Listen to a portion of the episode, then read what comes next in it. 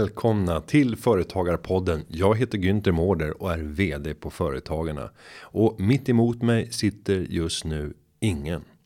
Julia Selander, min tidigare eh, poddpartner och och eh, sparringpartner här i podden har ju åkt över Atlanten för att etablera sitt nya liv i Silicon Valley. Vi ska med spänning följa hennes resa framåt. Och då satt jag och funderade på vad ska vi då bjuda på denna närmast sensommarvecka som det snart börjar bli. Även om det är lite deppigt och börja prata på det sättet redan nu. Nej, låt oss säga att sommaren fortsätter. Det gör den en bra bit in i september. Eh, men vad ska vi då bjuda på idag? Jag tänker att vi ska bjuda på ett antal gäster som tidigare har varit med i podden. Jag har suttit ner under sommaren och reflekterat lite grann över vilka är gästerna som på olika sätt har eh, kommit med eh, intressanta infallsvinklar där vi haft samtal som på olika sätt har gjort intryck på mig. Och det här avsnittet blir just ett eh, sånt avsnitt där vi tittar tillbaka på några av de intressanta samtal Eh, som vi haft med gäster som har varit här i studion. Och jag tänker att vi ska börja med en gäst som eh, berättade om hur hon bevakar omvärlden. För som man säger i lumpen, det kanske man inte gör nu för tiden förresten, men utan spaning, ingen aning. Och eh, just spaningen är viktig och där delade Länsförsäkringars chefekonom Alexandra Stråberg med sig av mängder av tips. Om vi nu går tillbaka till eh, den vanliga lyssnaren här så är det en företagare som sitter och är lite ekonomiintresserad. Tittar på affärstidningarnas sajter och ser de här rubrikerna som oftast är väldigt eh, dramatiska, stora, svarta. Eh, hur ska man tolka det man läser? För att en företagare ska ju ändå fatta beslut idag på den information som man har och försöka förutspå framtiden. Ska jag göra den här anställningen? Ska jag göra den här investeringen? Borde jag istället spara mer pengar nu? Om man bara läser de där rubrikerna så är det ju lätt att få en rätt eh, binär uppfattning om framtiden. Mm. Och det kan svänga rätt mycket från dag till annan. Hur ska vi göra som företagare när vi tar del av medias rapportering om framtiden? Ja, som företagare, ja, tyvärr så kommer, nu kommer, dels kommer resonemanget ta lite tid, men det är också så att man behöver lägga lite tid på det här. För jag tycker mm. att det är ett viktigt område. Eh, om vi tar till exempel, vi kan ta en, en jämförelse. Eh, du går in på Spotify och de säger att här är din favoritlåt för jag vet vad du lyssnade på förra gången. Du går in på någon bokhandels hemsida och de säger nu har en ny del i den här serien som du eh, brukar läsa kommit. Eller om du går in på en klädsajt så är det samma sak. Nu har vi fått in nya klänningar av det här märket eller vad det må vara. Och det betyder att din smak hela tiden bekräftas. Eh, men vad som sker då att den, det är att den aldrig utmanas. Och om vi tar det, på, på samma sätt fungerar ju algoritmerna då som vi faktiskt pratar om när du läser fakta eller nyheter. Det är precis samma sak. Att det du tror dig veta om världen, det bekräftas hela tiden och det utmanas inte. Och det där är jätteklurigt när det kommer till fakta. Därför att det gör att, att ansvaret på oss som eh, privatpersoner och företagare eh, det blir mycket, mycket större på att leta sig bakom de här rubrikerna. Vad är det som talar emot det här argumentet? Därför att rubrikernas metodik är ju snarare att få allting till enkelt eller svårt eller det är bra eller det är dåligt. Det är väldigt polariserat. Och sanningen är ju oftast mitt emellan.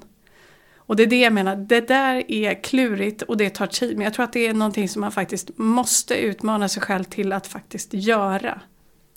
Om vi då lämnar svensk ekonomi och förutsättningarna framåt och tittar istället på hållbarhetsdimensionen. För en del inom ditt eh, jobb idag på, på Länsförsäkringar blir också att vara, vad kallar vi det? Ordförande för sekretariatet för Ungefär hållbarhet. ansvarig för hållbarhetssekretariatet. Det är ja. väl en enkel titel. Vad gör man på sekretariatet? Det, låter så, det var på ja. idrottstävlingar när man var barn. Då fanns ett tävlingssekretariat. Mm. Jag vet, jättespännande. Eh, Länsförsäkring är intressant i och med att det är kundägt. Mm. Och därför pratar man också liksom om en federation. Helt enkelt. Även om det låter som Star Trek. Eh, mm. Så pratar man om en federation. Eh, och då använder man ord som sekretariat. Och det är för att det är en samling av experter inom olika områden där vi ser att hållbarhet är viktigt. Så i det här sekretariatet då har vi en privatekonom som jobbar med hållbar privatekonomi. Vi har naturskadespecialister.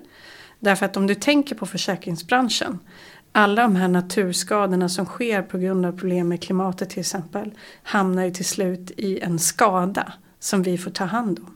Så vi har ju extremt mycket kunskap kring det här. Eh, jag har en hållbarhetschef hos mig också, ett gäng makroekonomer som sitter där. Eh, och en som håller på med hälsa, därför hållbar hälsa är ju också en av de här globala målen. Så att det är superspännande. Vi har liksom en miniklimatdiskussion i den här gruppen på daglig basis. Och där vi försöker liksom samla alla de här olika begreppen. Och om du tar de eh, diskussioner och kunskaper som finns inom den gruppen och tittar på gruppen småföretagare. Vad är det småföretagare idag generellt sett bör fokusera på och göra för att förhoppningsvis stärka sin konkurrenskraft genom att tänka på ja vad då inom hållbarhetsdimensionen. Där finns det ju mycket att göra men jag tror att om jag gissar att om fem år så kommer vi inte prata så mycket om hållbarhet. Eh, jag hoppas det egentligen därför att jag tror att det här kommer vara så integrerat. Jag tror att för alla företagare så handlar det om dels att jobba med sitt hållbarhetsarbete på ett genuint sätt. Tidigare var det lite sådär, eh, generellt sett pratar jag om nu, att det var någon typ av greenwashing. Man ville låta som man var hållbar. Men jag tror att det här har satt sig i personer och i människor och i företagare där det finns en genuin vilja att vara hållbar. Sen är det ett klurigt område. Vi vet inte ens vilken tomat som är rätt att köpa på eh, Coop. Så att det är ju klurigt vad som är hållbart eller inte. Men jag tror att om man tittar på sina leverantörsled, eh, man tittar på sina råvaror och också en stor transparens kring hur man arbetar med hållbarhet tror jag är en jättestark konkurrensfördel. Och från en chefekonom tänkte jag nu att vi ska ta oss vidare till en annan person som jag kände att jag fick en härlig kemi tillsammans med. Han har eh, också precis som jag ett förflutet som eh, punkare. Han kanske lite mer äkta än vad jag var. Jag vill ju mest efterlikna min storebror och kanske inte var fullt ut eh, fylld av de värderingarna som behövdes för att kunna leva upp till eh, den råa punken. Men eh, idag så har han ett viktigt arbete i kanske Sveriges mest berömda företag i konkurrens med Volvo med mera. Jag pratar om hållbarhetschefen för IKEA Sverige, Jonas Karlhed. Så här lät det när jag träffade honom tidigare i år. Om du tar de erfarenheterna och om du skulle bege dig ut i småföretagar Sverige för att mm. coacha andra företagare. Mm. Vad är det du tror att du kan hämta inspiration och kunskaper från de erfarenheter och, och eh, som du har tagit från, från jobbet på, på Ikea och föra över till, till småföretagare Sverige? Kan man plocka några sådana godbitar att här finns det möjligheter att utveckla? Ja, jag hoppas ju det och den går ju i bägge riktningar. Småföretagen inspirerar oss väldigt också. Men om jag tänker utifrån, eh, om jag skulle prata med småföretagare så, så, skulle jag ju kanske börja resonera lite grann liksom att det är alltid så bra att, att titta sig själv i spegeln. Okej, okay, vad, vad har vi för värderingar på vårt företag? Varför finns vi som företag? Alltså ta en liten sån här reflektionsstund utifrån den eh, resa som vi själva har gjort med våra kraftkällor från, från Småland och kostnadsmedvetenheten. Så för där hittar man ju den här kraften. Liksom, varför finns vi? Mer än att vi ska tillverka en bra produkt och sälja den på ett bra sätt. Eh, och sen utifrån det då så, så kan man hitta kraften. Okej, okay, hur kan vi då bidra positivt för ett mer hållbart samhälle i Sverige? Och där brukar det komma upp liksom som man vet här, riktigt det rusar internt. Liksom, här har vi kraften, det här kan ju faktiskt vi bidra med. Och, och sen nästa steg är självklart då att titta på men vad, vad har vi då för stora områden som, som vi jobbar med just nu där vi verkligen kan, ta kliven. Det vi på IKEA eh, gjorde då för eh, sex år sedan när vi eh, tog täten med vår hållbarhetsstrategi, det var att titta på de stora materialen. För oss är det bomull och, och, och trä. Och sen och sätta ambitiösa mål just för de områdena. Eh, gå all in som vi säger, hundraprocentiga mål.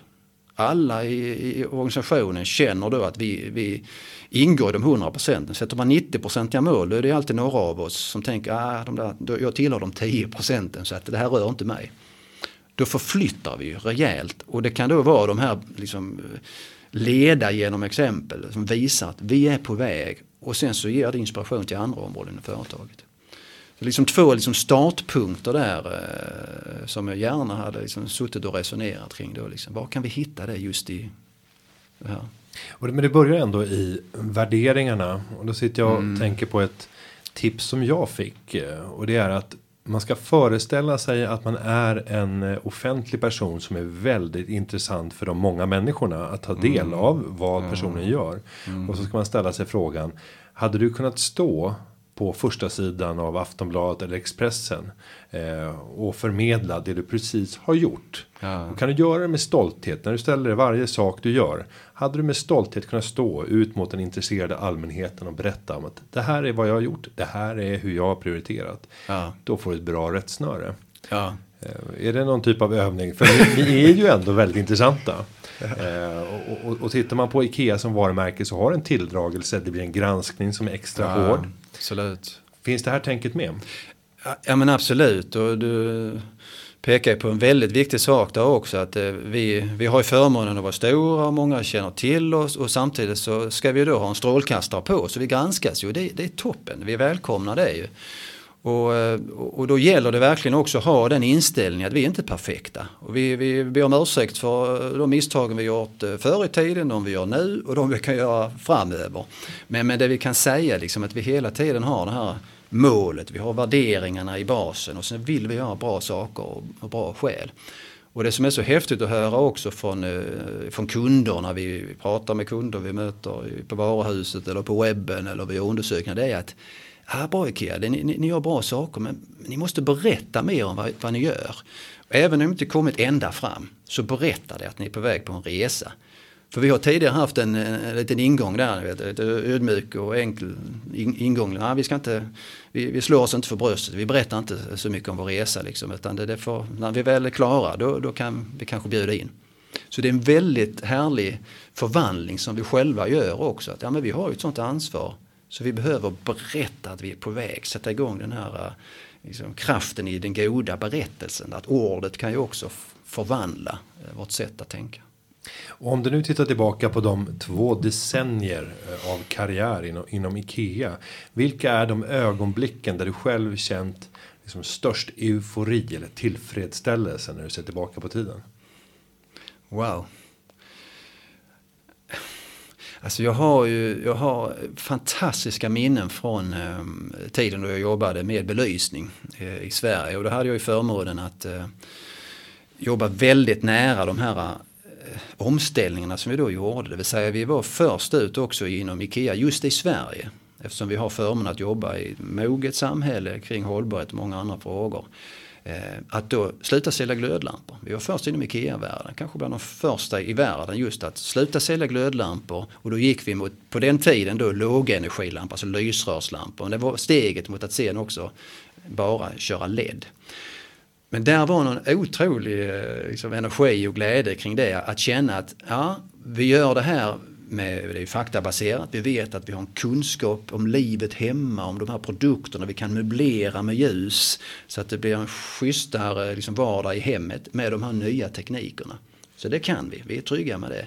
Och sen så, så hade vi också liksom hållbarhet, att eh, vi visste att det här var ju mycket bättre ljuskällor för eh, planeten. Spara massa energi och vara mycket längre.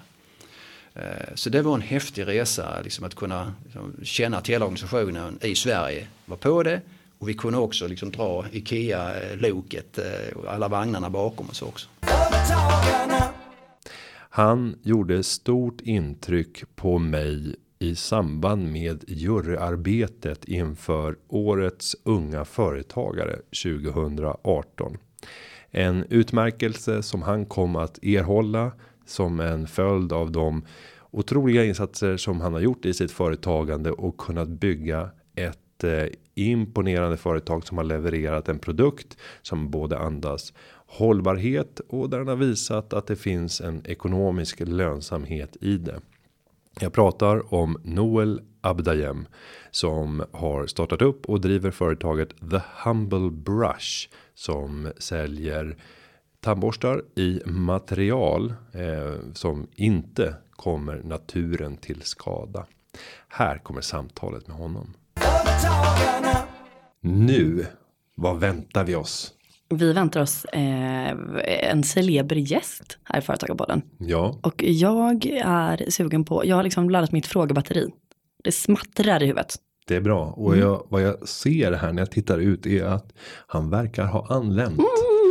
Så eh, vi eh, säger inte mer än så utan eh, tar en paus i inspelningen för att nu släppa in vår gäst för dagen. Då hälsar vi i studion Noel Abdayem. Välkommen till Företagarpodden. Tackar, tackar. Årets unga företagare 2018. Alltså det är ju stjärnglans här i studion. Stämmer bra, stämmer bra. Hur, ska vi börja med sportfrågan? Hur känns det? Det känns, eh, det känns väldigt bra. Det var ett, eh, ett väldigt speciellt eh, moment när man fick gå upp där på scen och, och ta emot priset. Och jag förväntade mig inte det alls. Så extra kul. Och för att dra inramningen så var det den 19 oktober Stadshuset. Folk uppklädda till tänderna. Och där så på scen så avslöjades vem som hade blivit årets unga företagare och årets företagare i Sverige. Och i tuff konkurrens får man säga att, eh, att du vann och det känns jätteroligt att ha dig här. The Humble Company. Yes. Och ni har bara funnits i fem år. Vi har bara funnits fem år ja. Och på den korta tiden så har du hunnit gå från noll till att stå på scen och ta emot priset som årets unga företagare. Herregud, jag får, jag får panik. Och du är 27 år gammal. 27 år gammal ja. Mm, vad hade du gjort när du var 27 år Günther, på säga. Du hade i och för sig gjort en del. Men berätta om eh, Humble Company. Vad, vad gör ni för någonting? Så vi säljer eh, miljövänliga munvårdsprodukter eh, som har eh, två viktiga eller tre viktiga budskap i sig. Eh, det ska vara produkter som dels är utvecklade av tandläkare, vilket jag är själv. Det ska vara produkter som är bra för miljön och det ska vara produkter som på något sätt ger tillbaks till, till barn i behov av munvård. Så Humble Brush är alltså en tandborste som är miljövänlig. Yes, så det var vår första produkt och det är egentligen bolagets flaggskeppsprodukt. Eh, Humble Brush är en tandborste med ett bambuhandtag. Och eh, den stora skillnaden jämfört med Humble Brush och en plasttandborste är att handtaget som är gjort av bambu är 100% nedbrytbart. Om man jämför det med tjock plast som i princip aldrig försvinner från vår jord. Uh, anledningen till varför jag faktiskt startade upp eh, Humble och döpte det till Humble var för att vi ett tidigt stadie från dag ett sa vi att eh, varje gång vi säljer en produkt så ska vi faktiskt hjälpa barn i nöd.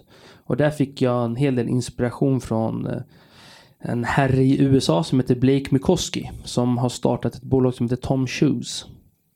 Eh, och det var ett bolag i USA som startade 2007 och de ville i princip förändra att, att barn som inte hade skor på sig skulle få skor. Eh, så jag tänkte att om jag kan väl köra samma koncept för tandborstar och faktiskt göra tandborsten miljövänlig på samma gång så att jag bara får in win-win-win koncept. Eh, så eh, det har med utvecklingen lett till att vi idag har en ideell organisation som heter Humblesman Foundation. Uh, Foundation är en svenskregistrerad organisation som drivs av personer, tandläkare utanför bolaget. Den enda som är aktiv i den organisationen är jag själv som fundraiser. Eh, och eh, Foundation i sin tur är idag eh, huvudsponsor till 15 olika organisationer runt om i världen. I Sverige är vi bland annat huvudsponsor till Tandläkare utan gränser och A Child Smile. Och det vi gör det är att vi insåg vid ett väldigt tidigt stadie att eh, vi vill göra förändring på riktigt. Och när jag var på Jamaica, då fanns ju inte Handbollsman Foundation. Då åkte vi oftast ner och, och, och drog ut tänder på, på barn som hade dåliga tänder. Och visst, vi gjorde en, en del utbildning, men vad händer sen efter att vi faktiskt åker hem? Och det är där vi försökte tänka om med Handbollsman Foundation. Så då åker vi ner till våra projekt och vi gör inte någon direkt behandling, utan vi försöker att implementera förebyggande åtgärder. Och inte bara med det här basala som att förklara varför man ska borsta tänderna utan även förklara varför man får hål. Försöka träffa politiker och regeringsnivåer och faktiskt få dem att ändra sitt tankesätt kring varför barn faktiskt har hål i händerna. Eh, hål i tänderna, inte händerna.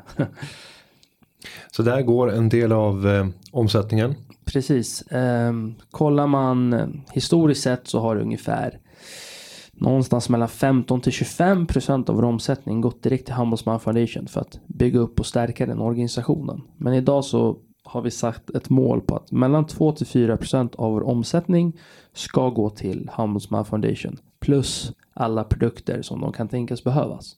Och i år så landar den siffran på ungefär 2 miljoner som går oavkortat till Handelsman Foundation. Och med de tre härliga gästerna från tidigare avsnitt så tänkte jag runda av dagens eller snarare veckans sändning av Företagarpodden. Och jag vill skicka med en uppmaning till dig som lyssnar. Vi eh, står fortfarande i begrepp att eh, välja format för fortsättningen efter att Julia lämnat eh, podden till förmån för USA. Eh, det är du som lyssnar som ska bestämma fortsättningen så jag vill uppmana dig att gå in på företagarpodden.se. Där kan du ge förslag på hur du skulle vilja att företagarpodden såg ut i framtiden. Vilket ska vara innehållet? Hur ska det vara uppbyggt? Vilka typer av inslag ska finnas i podden? Grundtanken är att företagarpodden ska hjälpa dig som företagare att nå din fulla potential och då är frågan vad behöver du som företagare för att kunna göra just det? Så jag uppmanar dig att eh, gå in och skicka in dina förslag och på så sätt kunna påverka fortsättningen och utformningen av framtidens företagarpodden. Med det här ska jag säga att sändningen den har förberetts av David Hagen och klippningen den är gjord av Linda Aunan Edvard. Vi hörs igen nästa vecka precis som vanligt. Hej då! Företagarna, ja, ja, ja, ja, ja, ja. Företagarna, ja, ja, ja, ja, ja, ja.